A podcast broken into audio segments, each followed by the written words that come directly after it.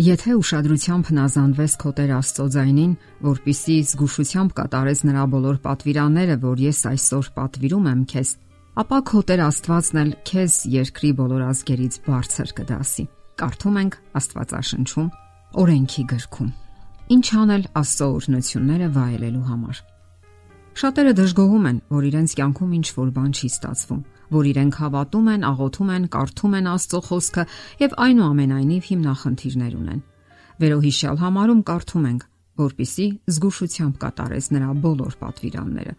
Ահա օրհնության աղբյուրը՝ կատարել Տիրոջ օրենքը կամ պատվիրանները։ Այդ համարի շարունակության մեջ կարդում ենք. Այս բոլոր օրհնությունները քեզ վրա կգան ու կհասնեն քեզ, եթե հնազանդվես քո Տեր Աստծո ձայնին։ Այստեղ մենք տեսնում ենք օրհնությունների աղբյուրը, Պետք է հետևել Աստծո օրենքին, այն դարձնել կյանքի ուղեցույց եւ ապրել այդ կանոնների համապատասխան։ Որովհետև մենք ապրում ենք անհաստատ ու երերուն աշխարհում, վախերի աշխարհում։ Երբ գալիս է երեկոն, մենք արագ փակում ենք տանդրները, վախենալով գողերից։ Մի անգամ էլ ենք ստուգում փականները, պատուհանները։ Այդպես մեզ ավելի ապահով ենք զգում։ Հասկանալի են այդ վախերը։ Մենք ապրում ենք անօրենությամբ լի աշխարհում, Մենք ստուգում ենք ամեն ինչ, վախենում ենք գիշերները հանգիստ քայլել փողոցով։ Երբեմն մենք դպրոց ենք տանում ու տուն բերում երեխաներին։ Մեր մեքենաների վրա ազդանշանային համակարգ է դրված։ Այսօր դռների մեծ մասը ամուր երկաթից է եւ հուսալի փականներով։ Այս ամենի պատճառը աշխարհում տիրող մեղքն է, ճարիքը իր ամենաբազմազան հետևանքներով, որովհետեւ զանց են առել Աստծո օրենքը իսկ օրենքի հակադիր բառը անօրենությունն է։ Իսկ ինչ է անօրենությունը։ Աստվածաշունչը այսպես է պատասխանում այդ հարցին. եւ մեղքն է անօրենությունը։ Անօրենությունը մեղքերով լի կյանքն է։ Աստվածաշունչն ասում է, որ անօրենությունը մեր վերջին ժամանակների նշաններից մեկն է։ Որ օրենքի մասին է խոսքը։ Իհարկե, Աստծո օրենքի։ Այն օրենքի, որ գրված է Աստվածաշնչի Ելից գրքի 20-րդ գլխում։ Գաղտնիք չէ, որ բազմաթիվ մարդիկ այսօր անգամ չգիտեն Աստծո այդ օրենքի մասին։ Շատերը կարող են հիշել այդ օրենքի ընդամենը մի քանի պատվիրան։ Մարդիկ ընդհանրապես հակված են բացասաբար վերաբերվելու օրենքին, օրենքի պահանջներին։ Օրենք բառը սովորաբար զուգակցվում է դատի, դատարանի, պատժի հետ, իսկ մարդիկ չեն սիրում դատվել։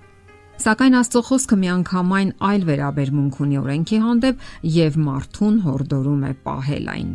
եւ դա միայն ու միայն մարդու օրհնության ու բարօրության համար է։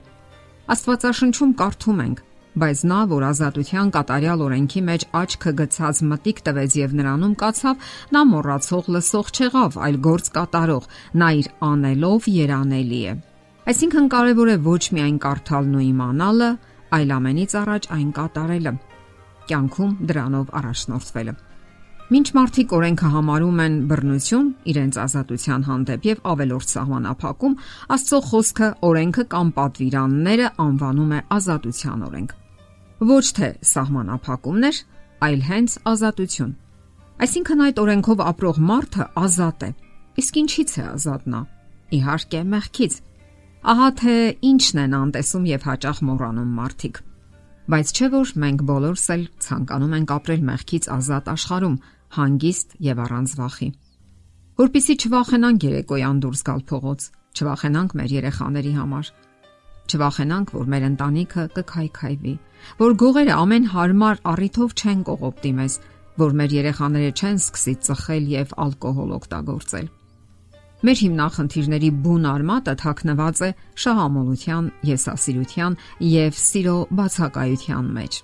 ինչն է դրթում զարգ տալու ալկոհոլի ու ծխախոտի արդյունաբերությանը։ Բոլորը գիտեն, որ դրանք օրինականացված թույներ են եւ միլիոնավոր մարդկանց մահվան ու հիվանդությունների պատճառ են դառնում եւ այնուամենայնիվ դրանց արդյունաբերությունը հսկայական շահ է բերում։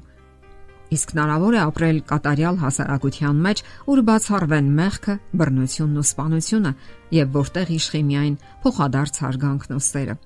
անկասկած հնարավոր է, եթե բոլոր մարդիկ պահեն Աստծո օրենքը։ Աստծո օրենքը պահող մարդուց մենք վախենալու ոչինչ չունենք։ Մեր աշխարհն իսկապես ունի այն բանի կարիքը, որ բոլոր մարդիկ պահեն Աստծո օրենքը։ Եվ այդ ժամանակ մենք մեկ այլ բոլորովին այլ աշխարհում կապրենք, որովհետև այդ օրենքը հորդորում է սիրել մարդուն։ Աստծո խոսքում կարդում ենք Հիսուս Քրիստոսի մարգարեական խոսքերը եւ անօրենության շատանալու պատճառով շատերի սերը կսարճի։